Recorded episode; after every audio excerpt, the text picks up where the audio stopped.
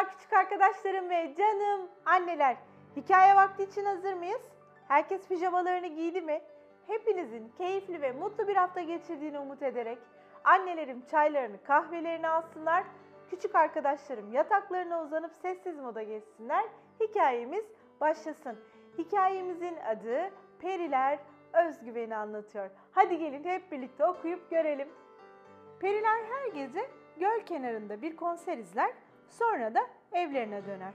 Her birinin kendine has bir tarzı vardır.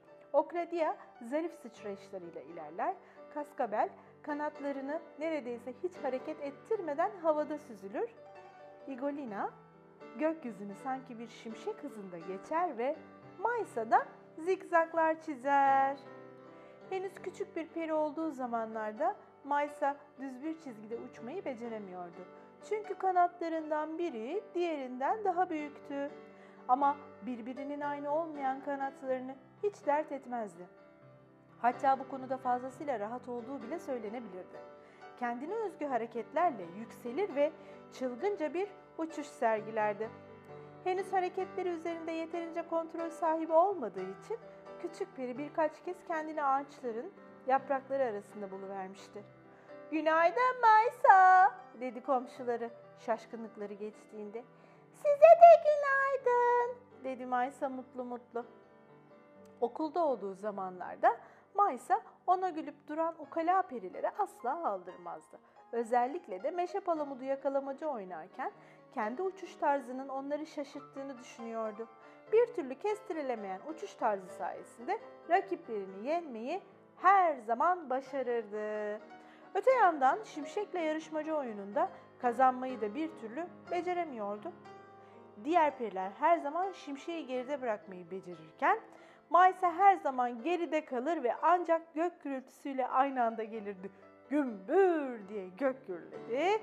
Maysa da aynı anda bir çığlık attı. Sonra her yer sarsıldı ve peri kahkahalara boğuldu.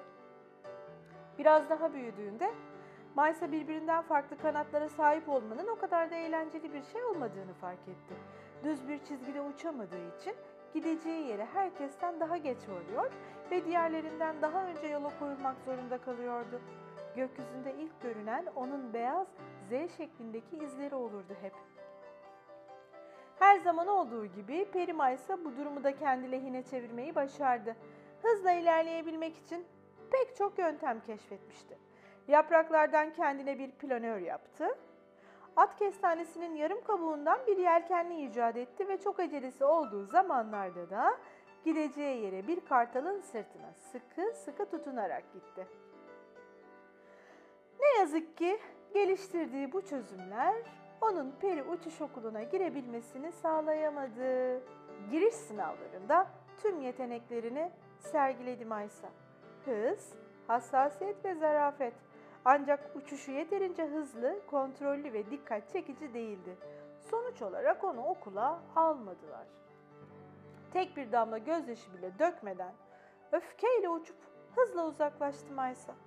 Düzgün uçabileceğini ispat etmek istiyordu ancak dengesiz uçuşu kendini bir gölde bulmasıyla sonuçlandı. Suyun yüzeyine çarparken etrafa bolca su sıçratmıştı. Boğuluyorum diye haykırdı korkmuş bir şekilde. Çevresindeki balıklar onu yüzgeçleriyle tutup itmeye başladılar. Balıkların ikiden fazla yüzgeci vardı ve bu yüzgeçler de aynı değillerdi. Neden sen de bizim gibi yapmıyorsun diye sordu balıklardan biri. Bir hava kabarcığı yut ve yüzgeçlerini de aynı bu şekilde hareket ettir dedi bir diğeri. Peri Maysa kendisine söylenenleri aynen yerine getirdi. Yüzüyordu. Suya dalmaya cesaret eden ilk peri o olmuş ve tekrar yüzeye çıkmayı da başarmıştı.